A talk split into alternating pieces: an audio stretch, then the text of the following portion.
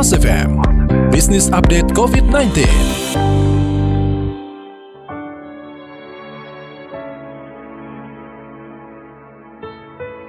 Mitra bisnis COVID-19 memporak-porandakan tatanan bisnis yang ada. Selain kesehatan, dampak terhadap ekonomi dan kehidupan sosial bermasyarakat berubah drastis. Pelaku usaha mengencangkan ikat pinggang, bahkan menghadapi dilema PHK atau tidak untuk bertahan hidup. Di saat yang sama, pengusaha juga dituntut berinovasi cepat merubah bisnis model untuk seirama dengan ekspektasi pasar. Untuk mengetahui lebih jauh soal ini, saya Anita Wijaya telah bersama Devin Wong Widya Krisnadi, Direktur Chatime Indonesia dalam Pas FM Business Update COVID-19.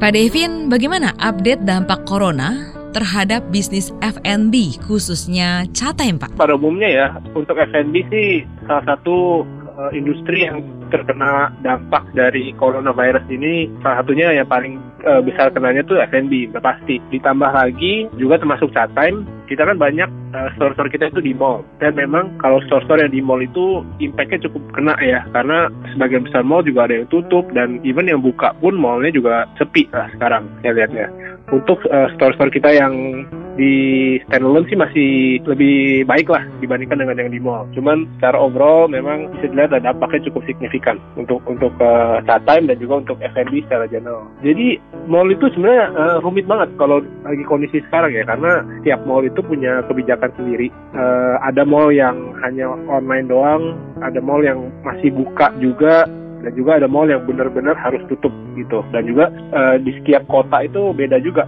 pengaturannya. Misalnya kayak di Makassar gitu di Medan itu mereka ada treatmentnya masing-masing. Jadi kita kita sih sebenarnya ikutin mall aja sih mereka seperti apa. Apa yang dilakukan chat time untuk survive krisis ini? Ya memang apa ya kita dituntut sebagai uh, pebisnis khususnya di F&B untuk bisa adaptasi dengan cepat. Uh, kemarin sih begitu awal-awal di bulan Maret mulai merebak ya. Di pertengahan bulan Maret itu udah mulai merebak isu-isu COVID. Kita langsung benar-benar shifting strategi kita. Dan kita sekarang udah sangat memfokuskan ke online online delivery kita.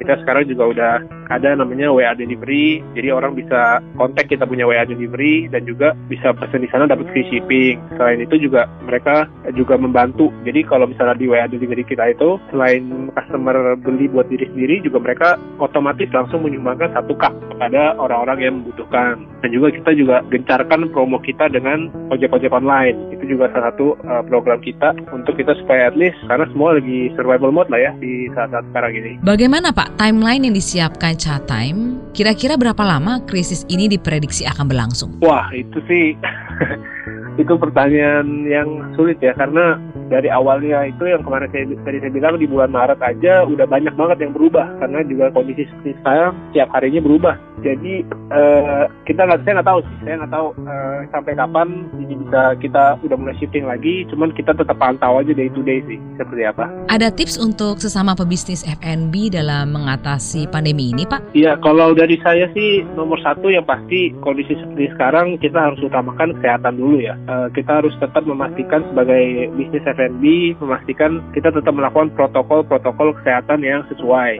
khususnya untuk kru kita dan juga untuk customer kita. Jadi kita uh, nomor satu tetap memastikan kru kita dan customer kita tetap terlindungi lah dari dari uh, potensi terpapar virus ini. Nomor satu kesehatan. Kedua, kita harus terus mencoba mencari cara-cara lain, cara-cara inovasi untuk at least bisa mendapatkan another channel of sale gitu. Karena uh, kondisi sekarang ya semuanya berubah. Kita harus uh, bisa kreatif. Dan juga yang ketiga kalau dari saya harus uh, ini ya anak-anak kita anak-anak store kita harus disemangatin terus supaya mereka ada motivasi. Karena yang susah bukan cuma pebisnis para kru-kru kita juga motivasinya harus terus dipompa seperti itu sih kalau dari saya. Nah sejak pandemi ini disebut telah terjadi the new normal di mana orang selalu bermasker, belanja online, meeting online, work from home dan lainnya. Apa perasaan Bapak terhadap hal ini? Awal-awal saya uh, cukup menikmati Cuman uh, sekarang ini udah mulai kangen juga nih visit store nih karena dulu tuh uh, memang rutinitas saya itu juga saya sering visit store gitu loh. Saya sering uh, mau lihat langsung lah kondisi lapangan gitu. Dan even kan time kan sekarang ada di di luar kota juga udah banyak. Itu saya sering sering visit-visit ke luar kota. Cuman dengan kondisi sekarang kan nggak memungkinkan. Uh, jadi kangen juga sih. Sekarang pengen juga gitu kayak rutinitasnya balik kayak dulu lagi. Tim saya juga pada pada komentarnya, Pak kita kok lebih sibuk ya Pak sekarang ini uh, dengan apa WFH ya dan juga meetingnya dengan online itu kenapa kita lebih sibuk ya dibandingkan dengan hari-hari biasa kita yang ke kantor gitu karena kita sih sering banget sekarang udah nggak kenal waktu lagi